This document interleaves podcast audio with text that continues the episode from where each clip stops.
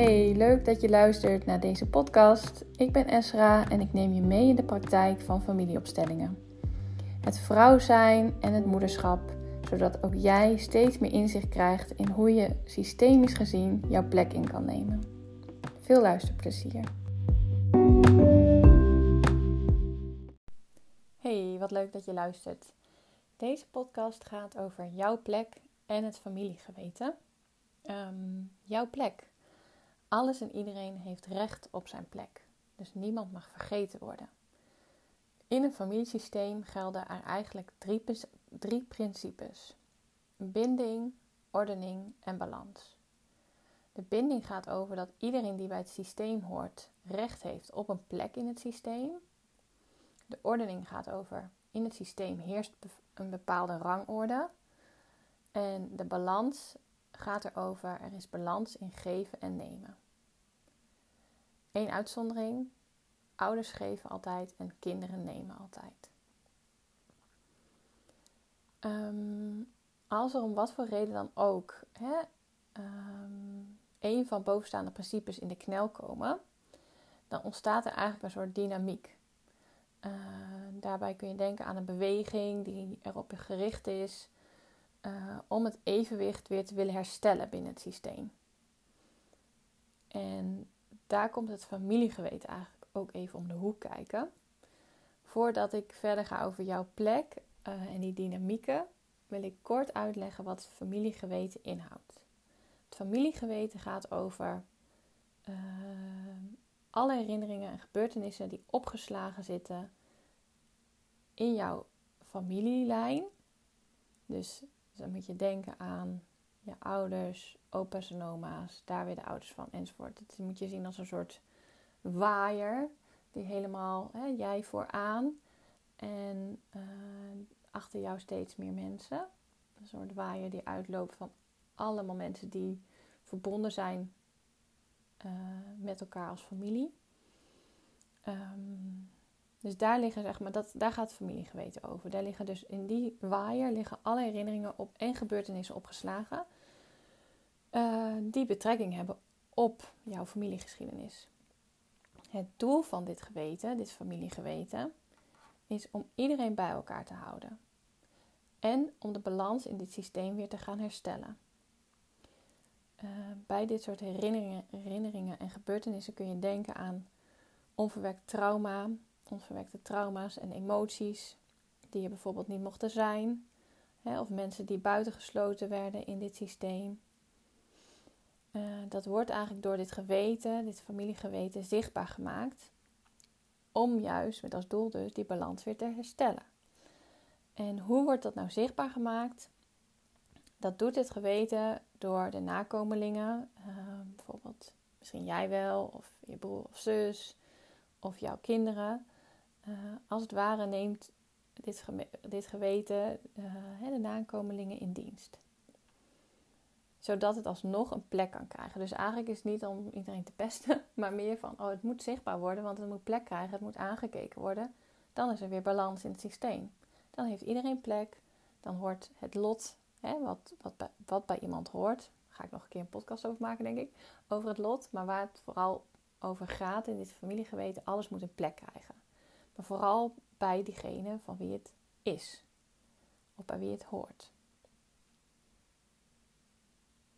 Zo kan het dus zijn, een voorbeeldje, dat jij of jouw kind of je broer of zus uh, verdriet overneemt van bijvoorbeeld je oma.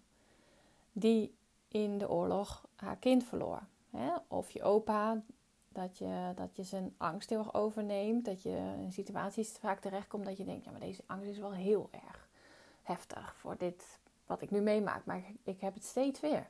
Dat je denkt, wat apart. Hè? Uh, maar het kan zijn dat je zo geïdentificeerd wordt met die angst van je opa, omdat die daar nooit ruimte voor heeft kunnen nemen. Of dat vooral hè, zijn leven heeft doorgeleefd. Hè. Er was in die tijd ook veel minder ruimte voor om dat te verwerken. De angst van bijvoorbeeld een concentratiekamp. Hè. Uh, kan me zo voorstellen. Dus dat zijn even voorbeeldjes van hoe dat dus werkt in het familiegeweten. Maar het belangrijkste doel hiervan is dat iedereen uh, bij elkaar gehouden wordt, maar vooral om de balans weer te herstellen. Dus hè, Jij laat wordt zichtbaar bij jou, zodat jij het aan kan kijken, zodat iedereen weer rust heeft in het systeem. En dat jouw kinderen er ook niet nog eens mee uh, belast worden. Even weer terug naar uh, die drie principes waar, hè, waarin jij jouw plek eigenlijk ook ja, vindt. Uh, het gaat dus over de binding. Dat iedereen dus recht heeft op een eigen plek. De ordening. Dat er een bepaalde rangorde is. Daar moet je denken aan. Vast veel mensen hebben het boek van Els van Stijn al wel gelezen. Hè, jouw vader staan boven jou. Of jouw vader en moeder staan boven jou. Um, en daarboven je opa en oma. En onder jou staan weer jouw eventuele kinderen. En dan heb je ook nog met broers en zussen. Oudere broers en zussen staan rechts van jou. En jongere broers en zussen staan links van jou. Maar goed, als er dus om wat voor reden dan ook, wat ik net zei, hè, een van die principes in de knel komt, ontstaat er dus een dynamiek. En dat gaat weer over het familiegeweten. Die komt dan om de hoek kijken. Die wil dat dan gaan herstellen. En die dynamiek, hè, die ontstaat uit liefde en heel onbewust. Namelijk met de bedoeling om het zo goed mogelijk te doen voor het systeem. Dat iedereen weer plek heeft en dat er rust en balans komt in het systeem. Nog een voorbeeldje van zo'n dynamiek kan zijn dat je iets voor iemand gaat dragen. Uh, bijvoorbeeld, ik doe het wel voor je. En dat als je deze dynamiek ook kent of dit patroon, dan kan dat heel goed zijn dat dat je dat hebt gedaan omdat je dat vroeger, of dat je dat nu doet omdat je vroeger ook heel veel droeg voor je moeder of voor je vader. Of een andere, andere uh, dynamiek kan zijn dat je iemand aan het volgen bent. Uh, bijvoorbeeld als een van je ouders vroeger is overleden, uh, dat je voelt, oh ik moet het net zoals jij doen. Hè? Omdat je wil dat dat een plek krijgt, dat dat hersteld wordt. Um, ja, zit even na te denken of ik die goed uitleg. Ja, weet je, dat gaat heel erg over iemand volgen. Uh, dat zie je wel eens bij.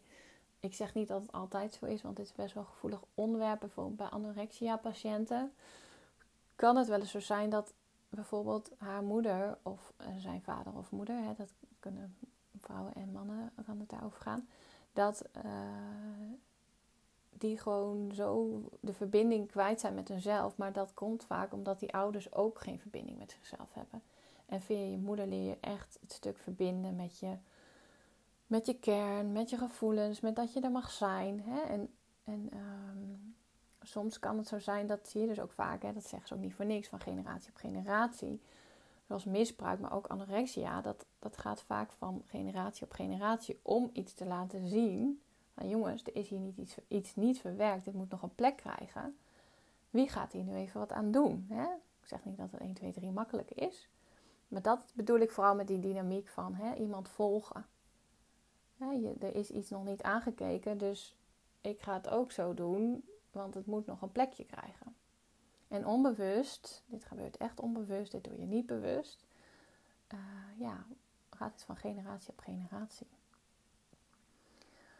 Goed. Ehm, ik hoop dat het een beetje zo duidelijk is hè, waar jouw plek eigenlijk is. Of in ieder geval waar jouw plek over gaat. Ik ga denk ik in een andere podcast nog eens even duidelijk uitleggen hoe je jouw plek kan visualiseren. Dat is wel een leuk idee, denk ik.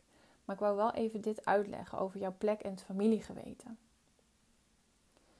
En dan wil ik afsluiten hè, dat je met een opstelling ehm, de natuurlijke ordening, dus als die hè, wat verstoord is of uit balans is, kan gaan herstellen. Met als doel dat iedereen zijn enige juiste plek inneemt, jij vooral in je kracht gaat staan, jouw eventuele kinderen in hun kracht gaan staan en jij jezelf vanuit veel meer gemak ook kan gaan ontwikkelen en zoals ik dat vaak ook lees, maar ook voel en zie bij cliënten, dat de liefde weer veel vrijer kan stromen. Dat het levensgeluk weer veel voel, meer voelbaar mag zijn in je lijf. Ehm, wat ook zorgt voor veel meer rust en gemak in contact met anderen. Goed, heb je een vraag? Naar aanleiding van deze podcast, uh, doe me vooral een berichtje. Dat kan via mijn website of via mijn Instagram-account. En uh, ja, bedankt weer voor het luisteren. Een hele fijne dag. Doei doei.